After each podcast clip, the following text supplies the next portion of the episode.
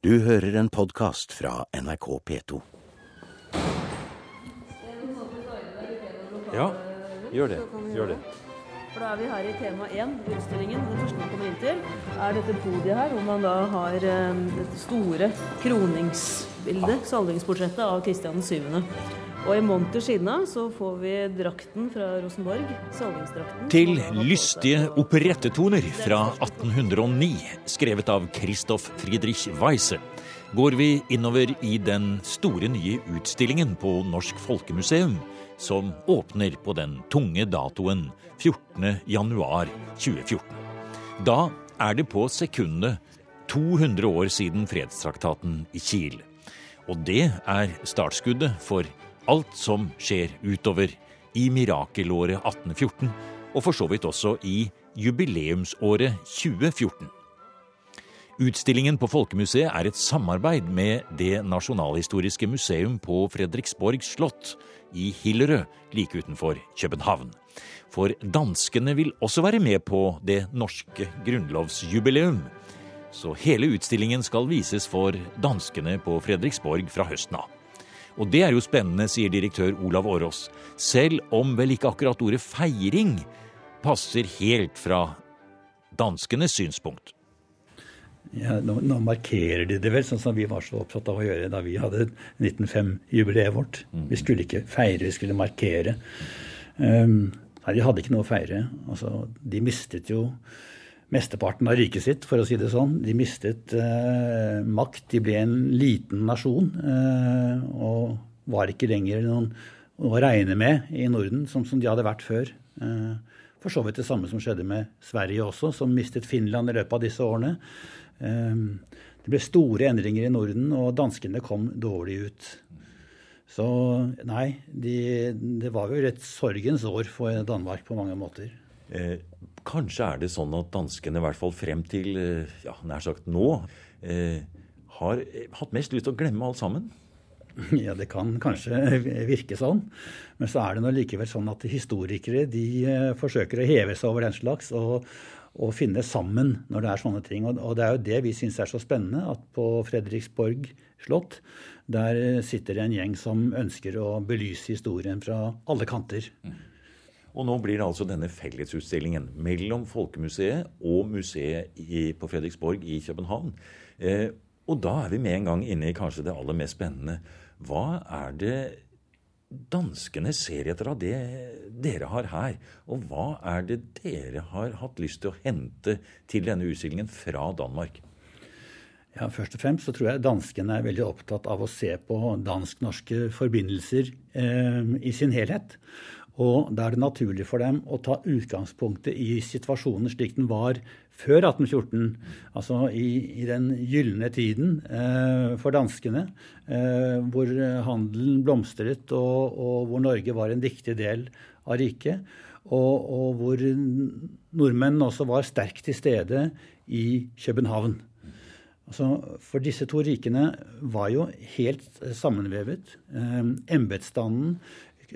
var knyttet eh, direkte til den eneveldige kongen, men forgrenet seg utover i hele Danmark og i hele Norge på samme måte. Og det bodde danske familier eh, i Norge i mange generasjoner. Eh, jeg er selv Jeg har jo han Hvaler-presten som jeg kommer fra, han var jo også, han var jo også dansk, egentlig. og dem er det mange av.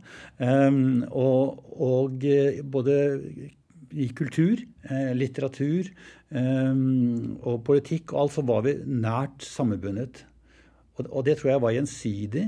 Altså også nordmennene følte at den danske kongen var deres konge.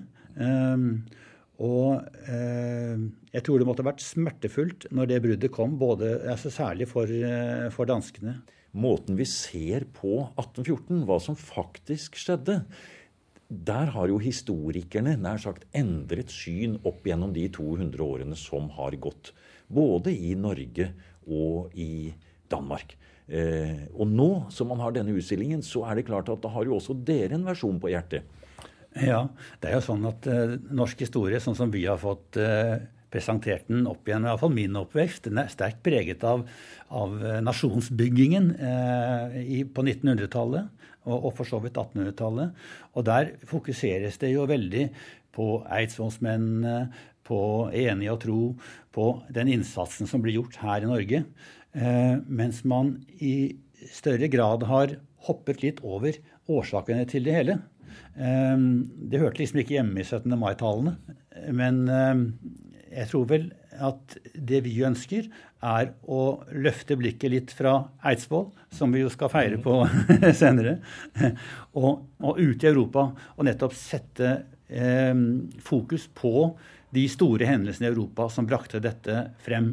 Altså, Vi har lett for å bli litt nærsynt i Norge. At vi, vi eh, snakker masse om Eidsvoll-fedrene og, og enige og tro og, og alt dette her. Og så glemmer vi litt at dette bare var én liten hendelse i en enorm eh, maktforskyvning som skjedde i Europa i disse årene etter napoleonskrigen.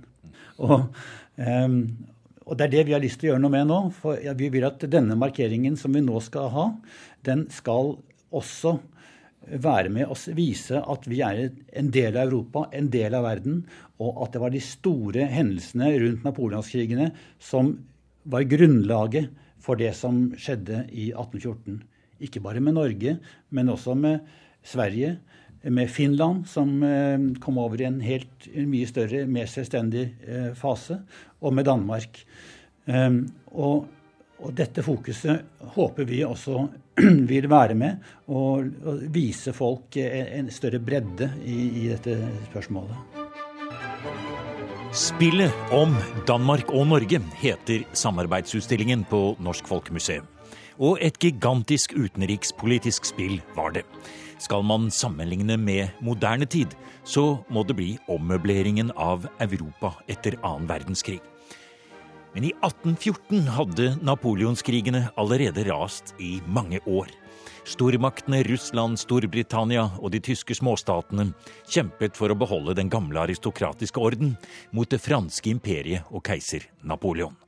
Grenser og dynastier ble flyttet hit og dit, alliansene kom og gikk, og det folkerike og sterke Danmark-Norge var låst fast på Frankrikes side, med hele den dansk-norske flåten.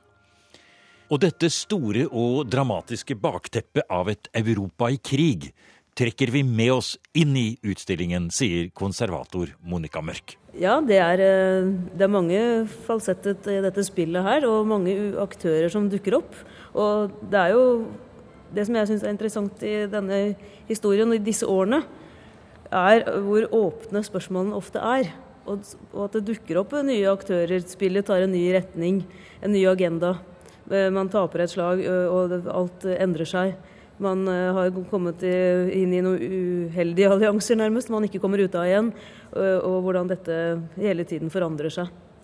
Vi samarbeider godt med Danmark. og og det er klart, i Danmark så er jo ofte 1814 fremstilt som med tapet av Norge, som er et, et fokus. At Danmark blir en mindre stat med tapet av Norge. Men at de lange, eller de forbindelsene videre etter 1814 besto jo i stor grad. Så vi vektlegger det også med hva det vil si å være dansk og norsk før 1814 var, spilte jo ikke stor rolle. Man var jo borger av det samme imperiet. Men etter 1814 blir jo dette viktig. Men det vi også løfter fram, er en del eh, personer med, som har vokst opp i Norge og gjør karriere i helstaten i Danmark eller andre deler av riket, og motsatt. At det er dansker som gjør, gjør nordmenn av seg da, når det blir aktuell problemstilling etter 1814. Er det Terje Viken som sitter og ror der borte, eller? Ja, da skal vi ha en A-foto her, for her er vi inne i nøden konsekvensen for Norge med etter tapet av flåten. Hvor, hvilken um, effekt det hadde på alle samfunnslag i Norge etter at flåten forsvant, og man ikke fikk forsyninger. Og handelsborgerskapet fikk jo ikke opprettholdt sine kontakter. Varestrømmen til Norge stoppet opp. Finansielle spørsmål ble vanskelig. Så hvordan flåteranet hadde en stor effekt på hele norske samfunnet. Ekstra ille blir det jo også at det er uår og elendige somre også i denne perioden. Men egentlig er jo dette, denne historien med Terje Viken eh, litt morsom, siden vi først har stoppet her og ser han sitter i båten sin der og ror og ser ut i tåka og ser engelskmannen komme. For det er jo det som skjer der. Og når, når, første, ja, så når første utstillingen heter 'Spillet om Norge og spillet om Danmark', så er det jo klart at der blir jo da eh, Storbritannia. Fienden. Det er kanskje noe vi ikke husker så godt når vi hører om denne eh, gråsprengte mannen som sitter på den nøgne ø, men det er også Danmark, Norge, som nå blir angrepet av England, Storbritannia. Fienden er Storbritannia, og det er jo i den engelske prison han kommer. Ja. Og det er jo store uh, utfordringen for Fredrik 6. Og, og da han vikler seg inn i, nærmest i alliansen med Napoleon og Frankrike, at man da blir jo fiende av Storbritannia, herren på havet, og ved konsekvensen det viser seg etter hvert med tap av flåten etter at engelskmennene mm.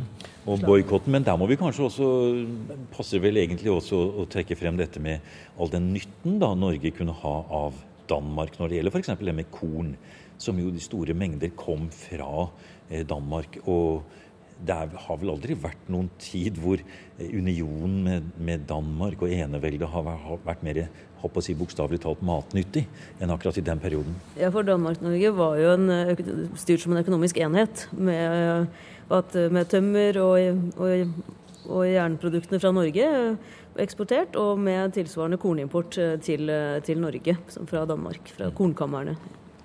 Det har reddet mange nordmenn, tror jeg. Ja, absolutt. Mm. Vi går eh, videre inn og ser her, og nå er vi inne i noen Å, det, var, det var fint, eh, et fint eh, si, tablå her.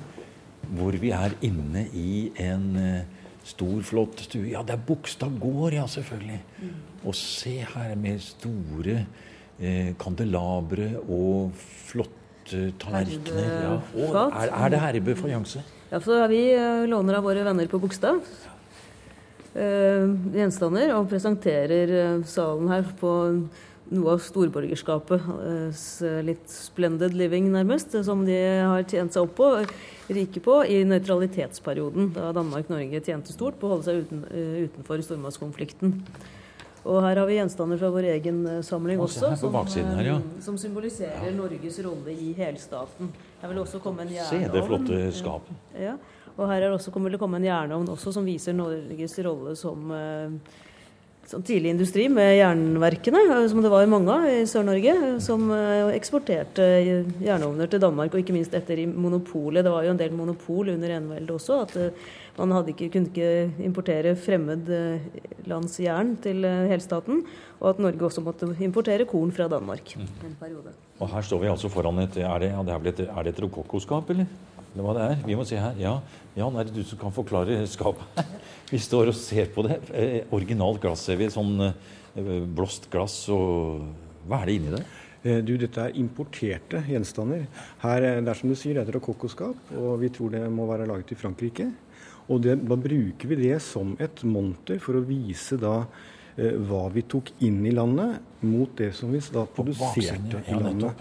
Så vi har en del ting som, som vi har opprinnelsen på, altså fra Herbø og fra Urdal og fra Nøstetangen. Vi kommer til å henge opp en svær lysekrone som veldig mange vil huske har sett andre steder på museet.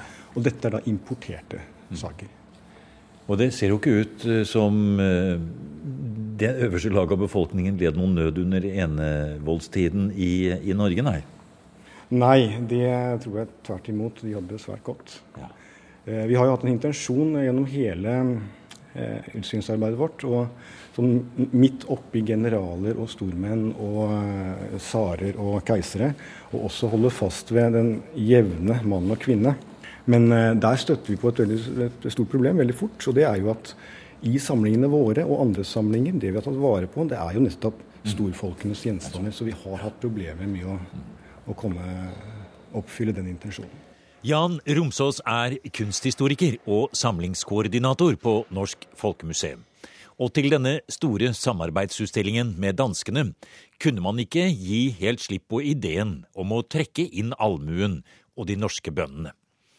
Og da, sier Romsås, gikk tankene til Nordmannsdalen på Fredensborg slott, noen kilometer fra Helsingør, hvor enevoldskongene på 1700-tallet fikk laget en stor park med 70 store skulpturer av norske og færøyske bønder og fiskere. Og På bakgrunn av de så lagde jo eh, Kongelig dansk, eh, eller Royal Copenhagen som heter da, eh, porselensfigurer etter de. I, i miniatyrform? I miniatyr, ja. som, sånn noen nipsfigurer rett og slett, som, som mange gjerne kunne hatt i, i vinduskarmene sine. Eh, og vi, Fredriksborg slott har en Jeg tror kanskje de har den største samlende, samlingen av disse figurene. Og av de så får vi et tyvetalls hit. Vi stiller dem ut når du kommer inn i utstillingen, og så ser du da kongelige prakt, eneveldes prakt på den ene siden, og så ser vi da disse figurene på den andre siden, som da blir eh, ikke nødvendigvis hvordan eh, folket i Norge faktisk var, men kongens forestilling av hvordan disse, disse var. Eh, og Hvis vi ser på veggen over disse figurene, så ser vi tolv tegninger, akvareller, fargelagte. Eh, og det, De er tegnet av en eh, norsk kunstner som heter Dreyer. Og du ser at det er eh, norske folkedrakter, eller vil si det er vi kan kalle det belegg for norske folkedrakter som ble utviklet på 1900-tallet. Der ser du altså bønder, både mann og kvinne, i forskjellige dagligdagse situasjoner. Eh, de bærer på kanskje dagens eh, innhøstede grønnsaker, de har et lam som de leier på. Og så er de kledd veldig ofte i veldig fine drakter. Det er ikke nødvendigvis slik at de draktene var de de jobbet i. Der, er, der har kunstneren brukt sin kunstneriske frihet til en viss grad. Men eh, det illustrerer Disse her er jo fra begynnelsen av 1800-tallet, og man begynte å lage den slags type tegninger på slutten av 1700-tallet. Og det illustrerer jo også litt av 1700-tallets, altså opplysningstidens interesse for det folkelige. med det her. Så både de skissene og noen få av de gjenstandene, de er på utstillingen? ja? De er på utstillingen, og I tillegg så har vi rundt eh, et annet tema her, så har vi noen eh, bjerverksmenn, som de kaller det i Danmark. Altså, og det er også Royal Copenhagen som har laget noen noen små figurer av samme størrelse som disse som vi snakket om i sted. Av eh, gruvearbeidere. Veldig farverike. Sånn eh, i flott eh, glasur. Ja, de er veldig fargerike. Og de, de kommer, vi ser jo en som kommer opp av dette hullet i jorden. ikke sant? Og det er jo blomster og grønt gress rundt ham. Og der blir han tatt imot av sin formann. Og de smiler og er blussende røde i kinnene og rene og pene. Sånn var det selvfølgelig ikke. Altså Virkeligheten, hverdagen for disse her, var en helt, helt annen. Men den norske bonde øh, ville man dyrke. Man hadde altså også en politisk interesse i det. Og øh, det er øh, en ideologi der er basert på en forestilling om at den norske frie bonde hadde et ganske særligt forhold til kongen. Ja, slik forklarer direktør Mette Skovgård på Det nasjonalhistoriske museum på Fredriksborg slott hvordan enevoldskongene så på sine norske bønder, og hva som var tanken bak skulpturparken i Nordmannsdalen. Dette klippet er fra et tidligere museumsprogram, da Mette Skovgård viste fram porselensutgaven av Den norske bondestand. Fantastisk. Vi går nå inn i slottet her, og det er rom på rom innover. Et, eh, en fornem og fin eh, utstillingsramme, dette. Her kommer vi til et skap med fullt av da de originale porselensfigurene som var kopier av de som sto i Nordmannsdalen. Og som kunne stå ute på et eh, flott dekket bord. Ja, det var jo øh, det var meget typisk for den tid, at man lavede porcelænsfigurer, som tog skulpturer fra haven ind, så man om øh, vinteren kunne lave sådan en bordopdækning, hvor temaet kunne være haven. Og så fik man sukkerbageren til at lave blomster, planter, træ og måske et lille hus og en bro osv. Og, og så da man fik porcelænet, så kunne det være så fast element, man kunne tage op. Og jeg tror faktisk, man skal jo tænke på, at de er blevet brugt til de store, fornemme banketter i forbindelse med statsbesøg. Og der er igen også en politisk linje i det. Det er ikke bare pynt, det er ikke bare for sjov. Når man tager de norske bønder og bruger dem som borddekoration, så er det jo også et meget fint signal for eksempel til den svenske konge, som jo hele tiden gikk og, og, og intrigerede, fordi han gerne Han hadde jo ikke noen norske bønder å sette på sitt spisebord. Så, så, ja, det tror jeg det er et signal. De norske bønder har et særligt forhold til deres konge. Du skal ikke prøve så meget som å tenke på å røre ved dem. Man mener jo, at øh, de ble lavet som en gave til tiltænkt som en gave til den russiske Katarina. Katarina. Øh, det var også hende, mener man, der skulle have Flordanica-stallet. ja. Og der skal du se igen den topografiske Ja. tradition. Man kortlægger landenes ja. natur, og natur og befolkning hænger sammen. Så dette er Så- tilbehøret til Flora Danica? Altså, der er noen kilder, der tyder på det, og jeg mener, at uh, det lyder meget sannsynlig. Det var noe enda godt at eh, det ikke ble sendt til Russland, for det står jo her. Hun var så høflig, at hun uh, døde, innen man nådde å sende Flordanica, ja. inden man nåede, men de ble lavet, uh, de her ble lavet i flere. Ja. Vi har endda nogen, der er dubletter. Ja. Og der kan man se, hvordan øh, porcelænsmaleren har tiltaget sig lidt kunstnerisk frihed. Der er nogle av af de samme figurer, som har fået for, forskellige farver på og sådan noget. Så Men vil, vil disse også komme til, eh, til Folkemuseet på Bygdøy på utstillingen? Ja, Ja, de kommer. Det blir et flott syn. Ja. Det kommer i hvert fall helt sikkert si. Store malerier, uniformer, gjenstander og den norske bondestand som bordoppdekning i porselen. Dette er noe av det som har blitt hentet fra Danmark til jubileumsutstillingen på Norsk Folkemuseum. Når spillet om Danmark og Norge skal til København til høsten, er det også noen norske gjenstander som danskene er spesielt interessert i, sier Jan Romsås. Ja, de har jo allerede lagt sin elsk på Karl Johans seng, som står rett rundt hjørnet her. Ja, altså, gjør det, ja. Det må vi nesten gå og se på. Ja, de har, de har det, ja. For det var en ting de likte, altså. Og se her, du. Med blått forheng, himmelseng, eh, draperier, holdt jeg på å si, og gull og det hele. Ja, den var jo flott òg, da. Den er flott. Eh, Det finnes to eksemplarer av den her, eh, her i landet. Den andre er på Eidsvoll. Eidsvoll 1814. Ja, Var dette noe Karl Johan hadde på paleet omtrent? da? Den sto på Paleet, som var Karl Johans residens mens han var i, i Kristiania. Han fikk jo satt i gang eh, byggingen av Slottet, men han fikk jo aldri oppleve det så ferdig selv. Han døde jo litt før. Og dette liker danskene altså? Den eh, vil de veldig gjerne ha. Ja, Skal de få den, Monica? Ja, vi får jo vel eh, låne bort den hvis de ønsker det, absolutt. For eh, Karl Johan er jo en av spillerne i dette En aktør i, i spillet her, da, som dukker opp etter at han eh, på merkelig vis, kan vi nesten si, blir kronprins i Sverige fra 1810. Og etter eh, hans politikk fra 1812 eh, jo, stokker jo kortene helt annerledes og legger opp dette veldig annerledes. Så vi fokuserer selvfølgelig på Karl Johan når vi kommer i tiden etter eh, 1814, og vi går inn i union med Sverige fra 4.11.1814. Og ikke bare Karl Johan får vi høre om, sier konservator Monica Mørk. På utstillingen møter vi selvsagt også 17. mai-kongen Christian Fredrik. Og ikke minst får vi historien om hvordan det gikk med ham etter at han måtte reise noe slukøret tilbake til Danmark da hans rolle i eventyret om Norge tok slutt utpå høsten 1814. Og ja, hvordan går det med Christian Fredrik? Det er kanskje ikke så mange som er klar over, har vi tenkt. Så det har vi eh, nevnt litt i utstillingen her, at han eh, blir jo da konge av Danmark som Christian den 8. etter Fredrik den 6.s død i 1839.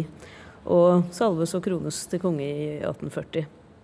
Ja, det, det får vel for så vidt Karl Johan oppleve, for han er jo ikke død ennå da. Så han opplever at eh, denne Christian Fredrik-figuren, han eh, og Karl Johan, da, de er jo eh, kollega-konger begge to. Ja, den, spillerne fra 1814 de har jo i samme posisjon etterpå.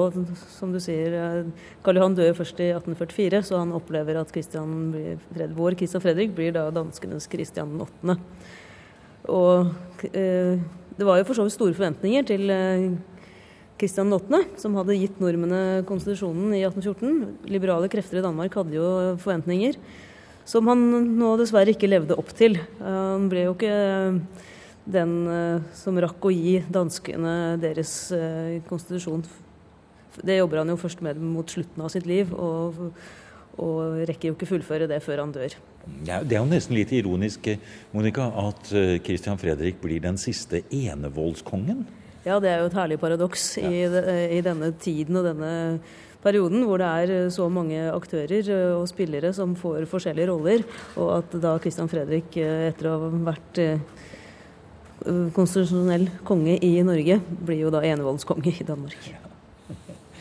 Og et herlig paradoks er det også at mens 1814 egentlig skulle være starten på et nærmere forhold til Sverige, så er det kontakten mellom Norge og Danmark som bare fortsetter å holde seg sterk. Og dette var også noe av det vi diskuterte med våre danske kollegaer da utstillingen var under planlegging, sier direktør Olav Årås. Ja, det var en veldig spennende prosess, faktisk. Og vi hadde da med eh, både norske og danske historikere eh, og satte oss ned og diskuterte og la frem momentene for hverandre. Og da vil det være slik at eh, vi vil se litt forskjellig på ting og vektlegge ulike ting. Men vi kommer frem til en, en veldig god eh, match på dette. Også ved at vi fulgte de dansk-norske forbindelsene videre opp gjennom historien. Bare tenk på 1864, som jo er det danskene virkelig markerer eh, i år. Um, hvor, hvor, nordmenn som Olav Rye, som Helgesen, som Sleppegrell eh, slåss på dansk side. Eh, og hvor også to av dem falt og ble helter i Danmark. Og de får vi jo faktisk møte i denne utstillingen. Ja, for, for det skal også denne utstillingen fokusere på. Altså på hvilken måte fortsatte det dansk-norske forholdet å være viktig. Helt frem til 1905, eh, da vi valgte en dansk prins som konge i det nye, frie Norge. Du har nå hørt en podkast av programmet Museum fra NRK P2. Send gjerne en e-post til museum krøllalfa nrk.no.